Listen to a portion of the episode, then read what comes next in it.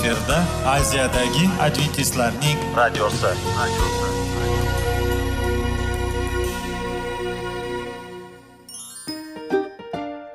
assalomu alaykum radio tinglovchimiz. Dasturimizga xush kelibsiz va bizni tinglayotganingizga sizdan judayam minnatdormiz. Bugungi bizning dasturimizning nomi sog'liq daqiqasi deb ataladi va biz sizlarga bu dasturda mevalarning foydasi haqida so'zlab bermoqchimiz. Ya'ni uning tarkibi uning tarixini va foydali xususiyatlari haqida. Aziz do'stlar mevani iste'mol qilish kerak ekan va biz boshladik. Ketdik. Sog'liq daqiqasi soliqning kaliti qiziqarli ma'lumotlar faktlar. Har kuni siz uchun foydali maslahatlar. Sog'liq daqiqasi rubrikasi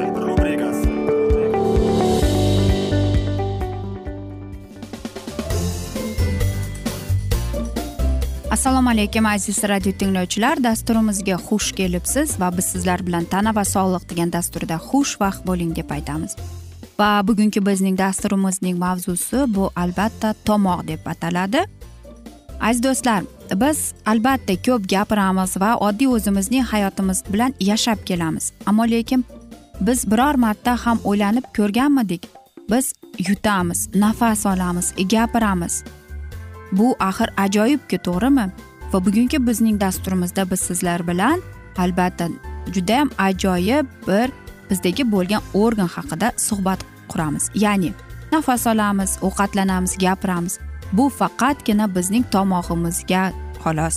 Ya'ni mana shu tomog'imiz borligi uchun biz hamma narsani ham yeymiz ham gapiramiz ham nafas olamiz. Buning hammasi eng ajoyib bizdagi bo'lgan organ tomoq bilan E, mavjuddir. Albatta tomoq bu judayam qiyin bir sistemadir ammo lekin qanchalik bu ajoyib to'g'rimi? Keling bugun biz sizlar bilan uning kichkinagina qanday qilib u nimaga bu umuman olib qaraganda tomoq uning funksiyalari nimada haqida. Hammamiz bilamizki tomoq va tomoq umuman olib qaraganda bizning e, mana shu boshimiz bilan va tanamiz bilan bir ko'prikka o'xshaydi deymiz. Va unda judayam sezgir bir tomirlar bor.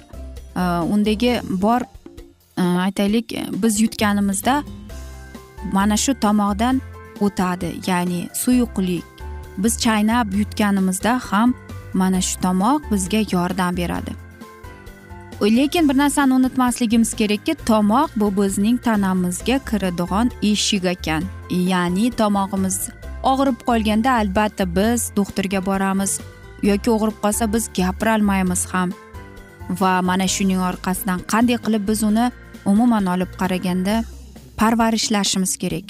Hattoki biz olayotgan nafas havomiz ham ovqatimiz ham buning hammasi faqatgina mana shu tomoqning orqasidandir. Va tomoqning eng asosiy e, mana shu funksiyasi bu.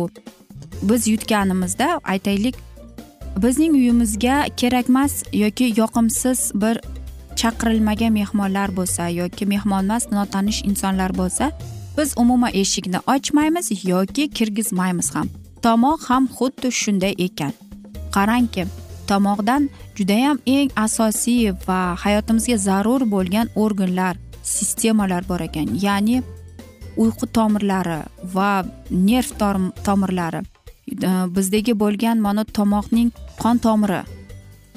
Va umuman olib qaraganda judayam ajoyib. Agar uning anatomiyasiga kirib ketsak bu juda go'zal va qiyin bir sistemaga o'xshaydi. Shuning uchun ham bizdagi tomoqdagi uchta qismga bo'linar ekan. Ya'ni burun og'iz va tomoq. Ya'ni mana shu uchta sistemamiz eng kerakli. Umuman olib qaraganda bizning tomog'imiz bu bir e, uzun shlankaga o'xshaydi ekan. Qarang u o'n bir o'n ikki santimetrdan uzunlikda bo'lar ekan. E, va uning uzunligi bizning e, hattoki bosh miyamizning suyagiga yetib kelar ekan. Va umuman aytamizki qanday qilib? Umuman bizning tomog'imiz bir uzun shlankaga o'xshaydi. Shuning uchun biz yutganimizda yoki og'ir narsa aytaylik bir narsa yutib qolsak u bu joyda turib qolishi mumkin ekan.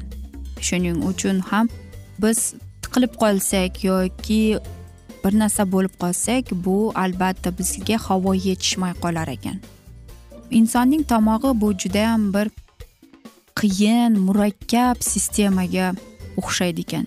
Shuning uchun ham biz ovqatlanganimizda issiq sovuq bo'lganimizda tomoq darrov o'zini himoya o'tishga harakat qilib ko'rar ekan.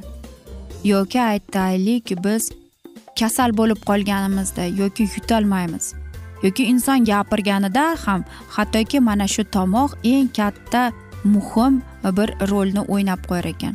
Aytaylik eng ko'p baland ovoz bu ayollarga va bolalarga xos ekan. Bolalarda erkaklarda esa bu narsa aytaylik erkak kishi katta bo'lib o'g'il bola katta bo'lib ulg'aygan sayin uning ovozi ham o'zgara boshlaydi ekan.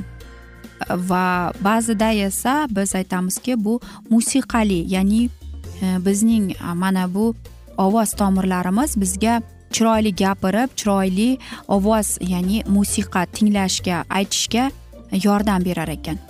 Eng qiziqi shundaki musiqalik ovozimiz bo'lsa bizga faqatgina bir ikkita nota kerak ekan xolos.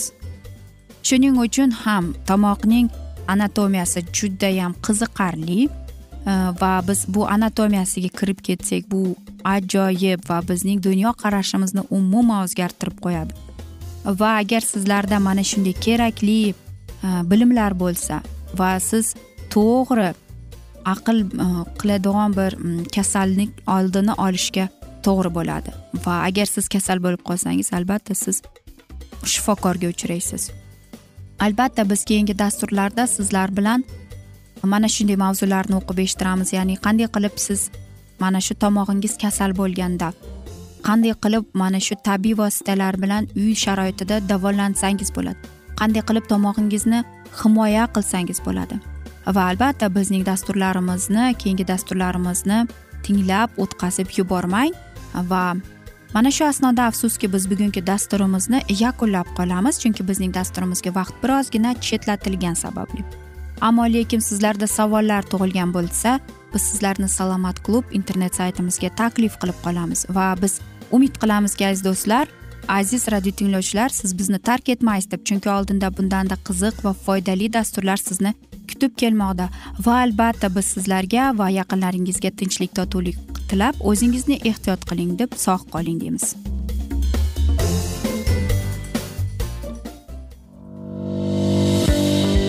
Sog'liq daqiqasi. Soliqning kaliti. Qiziqarli ma'lumotlar faktlar. Har kuni siz uchun foydali maslahatlar. Sog'liq daqiqasi rubrikasi.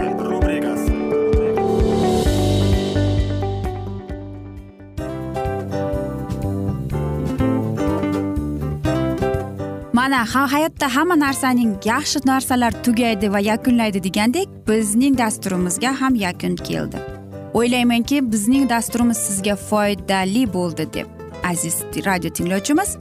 Va siz o'zingiz uchun kerakli xulosalar kerakli maslahatlar olib oldingiz. Aziz radio tinglovchimiz biz bilan qoling va keyingi dasturlarimiz albatta undanda qiziqroq bo'ladi. Mana shu alfozda sizlar bilan xayrlashib qolaman.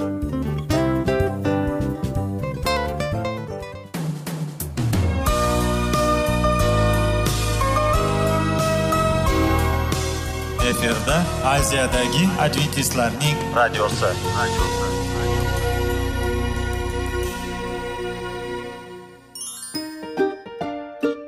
Assalomu alaykum aziz radio tinglovchilar. Dasturimizga xush kelibsiz.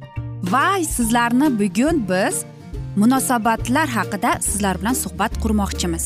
Ya'ni ikki sevishganlar to'g'risida yoki er xotinning o'rtasida bo'lgan munosabatlar haqida. Masalan yigit qizni qanday sevish kerak? Er xotinni qanday sevish kerak? Xotin erini qanday sevish kerak? Qanday munosabatda bo'lish kerak ular bir biriga mana shunday haqida bizning mavzuyimiz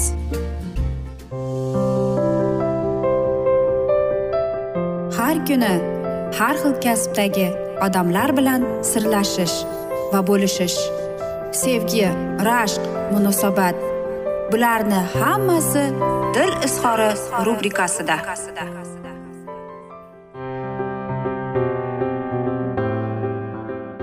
Assalomu alaykum aziz radio tinglovchilar. Dasturimizga xush kelibsiz va biz sizlar bilan erkaklar marsdan ayollar veneradan degan dasturda xushvaqt bo'ling deb aytamiz. Va bugungi bizning dasturimizning mavzusi sevgi xatini olganda o'zimizni qanday tutish kerak deb nomlanadi. Va albatta biz sevgi xatini olganimizda o'zimizni qanday tutamiz? Biz o'ylaymizki qanday keldi ekan deb. Keling aziz do'stlar. Bugungi bizning dasturimiz mana aynan mana shunday. Qanday qilish kerak deysizmi? Qanday? Mana siz xat oldingiz. Siz uni o'qiyapsiz. Albatta siz o'ylaysiz. Qanday qilib men o'zimni hislarimni unga aytdim va qanday qilib deb. Qarangki siz birinchi o'rinda uni o'sha xatni o'qiyotganingizda siz aytar ekansizki men ishonaman. Sening hislaring bexos emas deb va sen menga bo'lgan munosabatingni o'zgartirasan deb. Men judayam qadrlayman meni tinglashga va meni qo'llab quvvatlashga yordam berayotganing uchun deb va albatta kim xatni eshitsa u shuni tushunishi kerakki har bir xatni o'zining o'quvchisi bor. Va albatta qarangki biz xatni o'qiyotganda biz mana shunday narsalarga e, so'z beramiz ekan. Men senga so'z beraman sen bilan hamma narsaga roziman deb. Seni hislaringni sening so'zlaringni sening ko'z qarashlaringni men hurmat qilaman deb. Va seni mana shu seni tashvishlantirayotgan va senga sevgimni his etishga ko'rsatishga harakat qilaman deyishga. Mana shunday va'da ekan. Va qarangki mana shunday va'dalarni berar ekansiz. Men senga va'da beraman. Seni doimo tinglayman. Hech ham senga e, tanqid qilmayman. Sening hislaringga men befarq bo'lmayman deb va men senga so'z beramanki seni doimo o'zgartirishga undamayman deb va men seni xursandchilik bilan tinglayman deb chunki sening hislaring men uchun ham deb. Va men ishonaman biz ikkalamiz qiyinchiliklarni birga yengamiz deb. Aziz do'stlar axir biz qanday qilib sevgini xatlarini olayotganimizda. Qarang agar biz tashvishlanib qolganda yoki aytaylik g'amgin bo'lganimizda bizda esa yigirma daqiqa ham yo'q sevgi xatini yozishga birozgina kalta sevgi xatini yozing. Va bu sevgi xatiga sizga aytaylik uch yoki besh daqiqadan ketadi va sizga yengillik olib keladi. Mana sizlarga birozgina masala. Azizim meni judayam e, g'azablantirdiki sening kech qolganing. Men juda afsusdaman sen meni unutib qolganing uchun va men qo'rqamanki sen meni sevmaysan deb va sen menga befarqsan deb. Meni kechir. Menga judayam og'ir deb. Men seni sevaman va seni sen kech qolganliging uchun kechiryapman deb. Va oxirida aytish kerak ekan men haqiqatdan ham bilaman sen meni sevasan deb. Yoki azizim meni mana shu narsa g'azablantiryaptiki sen doimo shu darajada charchagansanki. Sen kelasan ishdan darrov televizor ko'rasan. Va sen hattoki men bilan gaplashging ham kelmaydi deb. Va men qo'rqamanki biz bir birimizdan uzoqlashyapmiz deb. Meni kechir. Men sen bilan tushlikda sovuq bo'lganligim uchun. Kechir meni. Mana shunday bizdagi bo'lgan muammolarda seni ayblaganimligim uchun deb. Menga sening sevging kerak. Sen menga kechqurun birozgina vaqt ajratib berolmaysanmi yoki mana shu kunlarning ichida? Shunchaki mening ishlarim qanday ketyapti tinglash uchun deb. Va oxirida shunday deb yozgan ekan bilasanmi azizim men shunday so'zni eshitgim keldi sendan deb. Rahmat sen menga o'zing hislaringni yozganing uchun. Men tushundim sen mensiz meni sog'inyapsan ekan va menga ham seni yetishmayapti deb. Ke bugun kechqurun kelib gaplashamiz deydi ekan. Albatta siz aytasiz qanday qilibmi? Oddiy. Agar biz mana shu xatni yozganimizda nimani his etamiz? Albatta birinchi o'rinda biz mana shu xatni yozayotganimizda biz o'ylaymizki shu inson o'qisin deb. Eng yaqin yoki do'stimizga bolamizga yoki oila a'zolarimizga yoki aytaylik mana shunday xatlarni yoki boshqa narsalarga yozishingiz mumkin. Albatta men seni sevaman emas u boshqa narsalarni aytishingiz mumkin. Yoki o'zingizga o'zingiz yozing va xudoga yozing. Umuman qarangki bu xatni yozayotganingizda siz o'zingiz almashishingiz kerak ya'ni mana shu rol bilan. Agar sizga judayam qiyin bo'lsa kechirishni birov kimnidir siz o'zingizni mana shu insonning o'rnida tasavvur qilib ko'ring va e, siz xat yozib ko'ring ya'ni o'zingizga. Siz mana shunday darajada hayratda qolasizki qanchalik siz kechirimligingizni bilib olasiz. Yoki aytaylik siz judayam qattiq g'azabdasiz. Sizda achchiq va xohish bo'ladi shunaqa va siz mana shunaqa narsalaringizni albatta xatda yozing. Keyin esa o'qib turib so'ngra yoqib yuboring. Hech qachon o'zingizning turmush o'rtog'ingizga mana shu xatni ko'rsatmang. Agar siz ikkalangiz ham mana shunday salbiy e, emotsiya bilan bo'lishga ya'ni siz mana shu narsani ushlab tursangiz. Bo'lmasam bu yomon narsaga olib ketadi yoki o'tmishga xatni yozib ko'ring. Shunday narsalarni yodga solish bo'ladi ba'zida yoki siz ba'zi xatni olganingizda bir narsani yodda tutingki nima sizda bolalikda g'azabga keltirgan? Va albatta yana hokazo qilib yoqib yuborasiz bu xatni. Albatta siz aytasiz bu psixologik tomondan deb. Balkim ham shunaqadir. E, lekin bilasizmi men ko'plab kitoblarni hayotim davomida uchratganman. Chunki shu ayollar o'zining bo'lgan hislari bilan o'zining tashvishlari bilan yoki ular qanday ularni sevishadi tushunishadi hurmat qilishadi va albatta bu judayam ko'p narsaga olib keladi. Lekin eng katta muammo shundaki ayol kishi o'zining uni qiynayotgan muammolarni aytadi. Erkak kishi esa buni boshqacha tushunib keladi. Va albatta erkak kishi umuman o'ylaydiki meni tanqid qilyapti talab qilyapti mendan xafa deb. Yo'q. Bu ikkala munosabatlar er xotinning munosabatlari er xotinga nimani yordam beradi? Ular bir birini to'g'ri tushunishga yordam beradi. Va bir birini hurmat qilishga yordam berib keladi. Aziz do'stlar mana shunday go'zal asnoda afsuski biz bugungi dasturimizni yakunlab qolamiz. Chunki bizning dasturimizga vaqt birozgina chetlatilgani sababli lekin keyingi dasturlarda albatta mana shu mavzuni yana o'qib eshittiramiz. Va men umid qilamanki sizlar bizni tark etmaysiz deb chunki bundanda qiziq va qiziqarli va foydali dasturlar sizni kutib kelmoqdalar. Va biz sizlarga va oilangizga tinchlik totuvlik tilagan holda xayrlashib qolamiz. Omon qoling.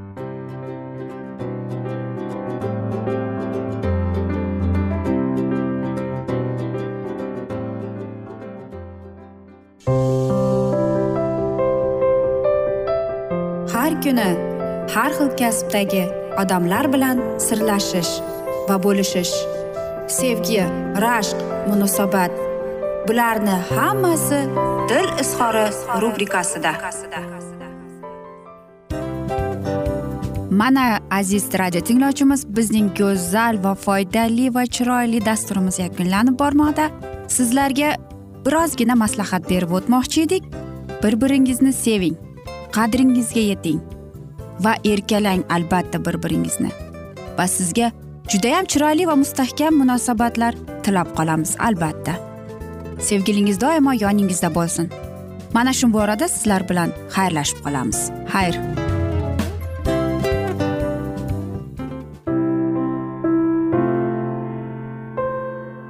Hayotning noni.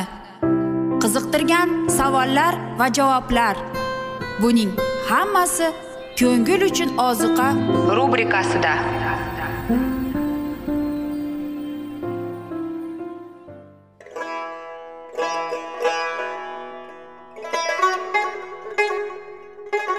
Assalomu alaykum aziz va qadrdon radio tinglovchimiz.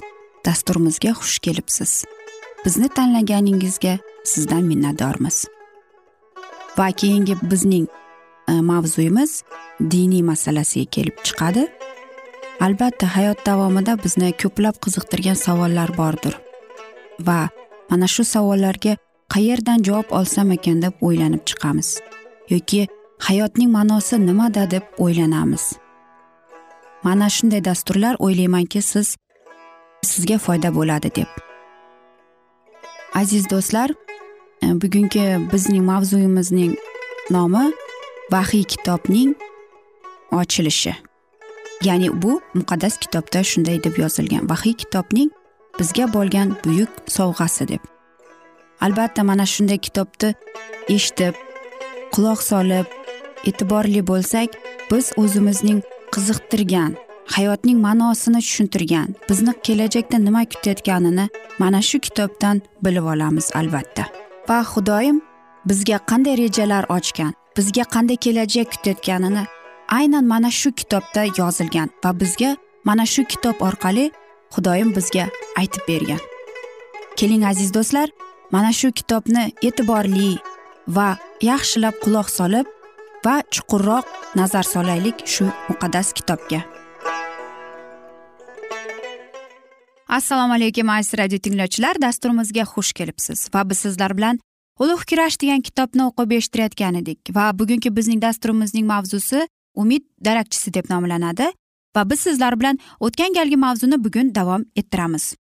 Bu voqeadan ikki oy yil oldin masihning olamga ikkinchi bor kelishi haqida vaz qilgan ko'zga ko'ringan xizmatchilardan biri iosiyo lich usmonli imperiyasining barbod bo'lishi karomat qilgan holda vahiy kitobning to'qqizinchi bobi izohini chop ettirdi. Uning hisoblariga ko'ra bu hodisa bir ming sakkiz yuz qirqinchi yilning avgust oyida yuz berishi kerak edi. Bashoratning amalga oshishidan bir necha kun oldin u shunday yozgan.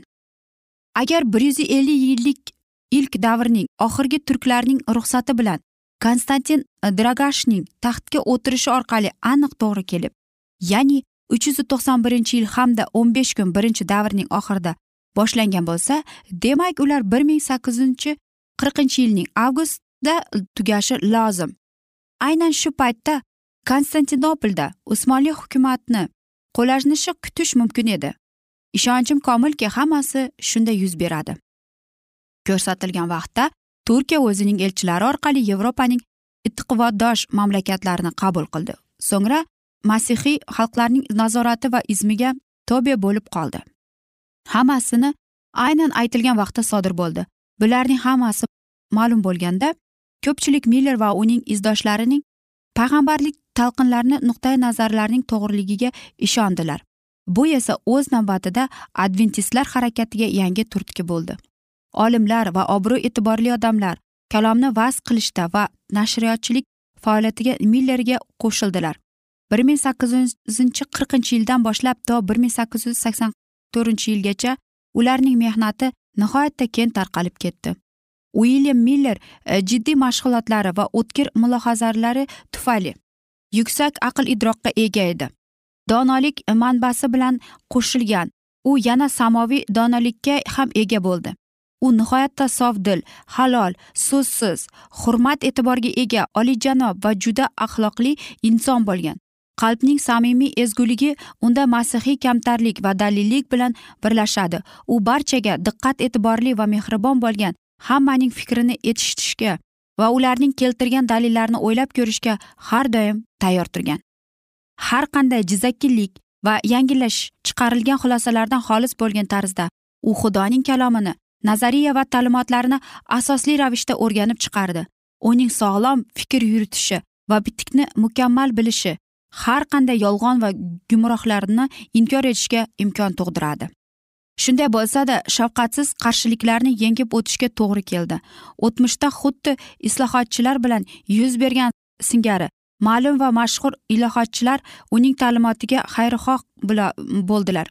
Ular muqaddas bitiklar orqali o'z qarashlarini asoslab bera olmaganlaridan keyin dunyoviy to'qima va aqidalarga jamoat otalarining xotiralariga murojaat qilishga majbur bo'ldilar. Ammo haqiqatni vaz qiluvchi adventistlar faqatgina xudo kalomining guvohliklariga tayangan muqaddas kitob va faqatgina muqaddas kitob. Bu so'zlar ularning shiori bo'lgan. Haqiqat dushmanlari muqaddas kitob haqiqatidan bexabarliklari o'rnini pichin va haqoratlar bilan to'ldirar edilar. Rabbiyning kelishi intizorlik va xursandchilik bilan kutayotgan odamlarni qoralash maqsadida ular vaqt pul va o'z mahoratlarini ishga soladilar. Masihning ikkinchi bor olamga kelishi kutuvchilarning yagona aybi bu pok va begunoh hayot kechirish tarzi. Shuningdek masihni kutib olish uchun boshqalarni tayyorgarlik ko'rishga da'vat etishdan iborat bo'lgan edi. Masihning ikkinchi bor kelishidan xalqning diqqatini chalg'itish uchun hamma uchun ishni qilindi. Masihning kelishi gunoh tufayli gunohli tufayli dunyo hukm qilinishi haqidagi bashoratlari o'qib o'rganish kechirib bo'lmaydigan shaqqoqlik ekanligini insonlar ongiga singdirishga harakat bo'ldilar. Ana shunday yo'llar bilan barcha tan olgan jamoatlar xizmatchilari xudoning kalomiga bo'lgan ishonchga putur yetkazishga urindilar. Ularning ta'limoti odamlarning xudo so'zlariga aylantirdi. Shunday so'ng ular ko'pchilik yaramas shahvoniy nafs yo'liga kirib ketdilar. Natijada adovat va buzuqlik ustozlari illatlarning asosiy sababchilari qilinib adventistlarni aybladilar. Odamlarga to'la uylarda millerning va'zlarini hamma eshitishga to'plangan bir vaqtda uning nomi diniy matbuotda kamdan kam o'shanda ham zaharlanadi pichinglari tarqasida eslab turiladi. Miller va uning qilayotgan ishiga isnot keltirish uchun din peshvolari tomonidan g'alamislik qilishga da'vat etayotgan yengil tabiat va imonsiz odamlar turlicha haqoratli iboralarni aytishardi. Shaqoqlik xudoni tahrirlovchi kaltis hazillar qilib yig'ilganlarni yo'ldan ozdirishga harakat qiladilar. Shinamgina uyni oilasini tark etib shaharu qishloqlarni kezib yurgan masihning kelishi va hukm kuni yaqinlashib qolgan to'g'risida xabar bergan sochlariga oq tushgan voiz xalq oldida o'tayotgan firibgar yolg'onchi va qalob qilib ko'rsatildi. Millerga qarshi qaratilgan masxara yolg'on va pichinglar hattoki dunyoviy matbuotning ham nafrat g'azabini qo'zg'otdi shunday muhim va jiddiy oqibatlarga olib keluvchi masalaga bu kabi behurmatlik va yengiltalik bilan munosabatda bo'lish deb yozadi dunyo dunyoviy odamlar. Bu nafaqat odamlarning his tuyg'ularini tahrirlash balki xudoning hukm kunini mensimaslikni xudoning shaxsiyatiga teginishni xudoning alomat adolatligini pisand qilmaslikni anglatadi. Aziz do'stlar mana shunday asnoda biz bugungi dasturimizni afsuski yakunlab qolamiz chunki bizning dasturimizga vaqt birozgina chetlatilgani sababli. Lekin keyingi dasturlarda albatta mana shu mavzuni yana biz o'qib eshittiramiz. Va aziz do'stlar sizlarda savollar tug'ilgan bo'lsa biz sizlarni alkitab media internet saytimizga taklif qilib qolamiz. Va biz sizlarga va oilangizga tinchlik totuvlik yuzingizdan tabassum hech ham ayrimasin deb o'zingizni ehtiyot qiling deb xayrlashib qolamiz. Omon qoling.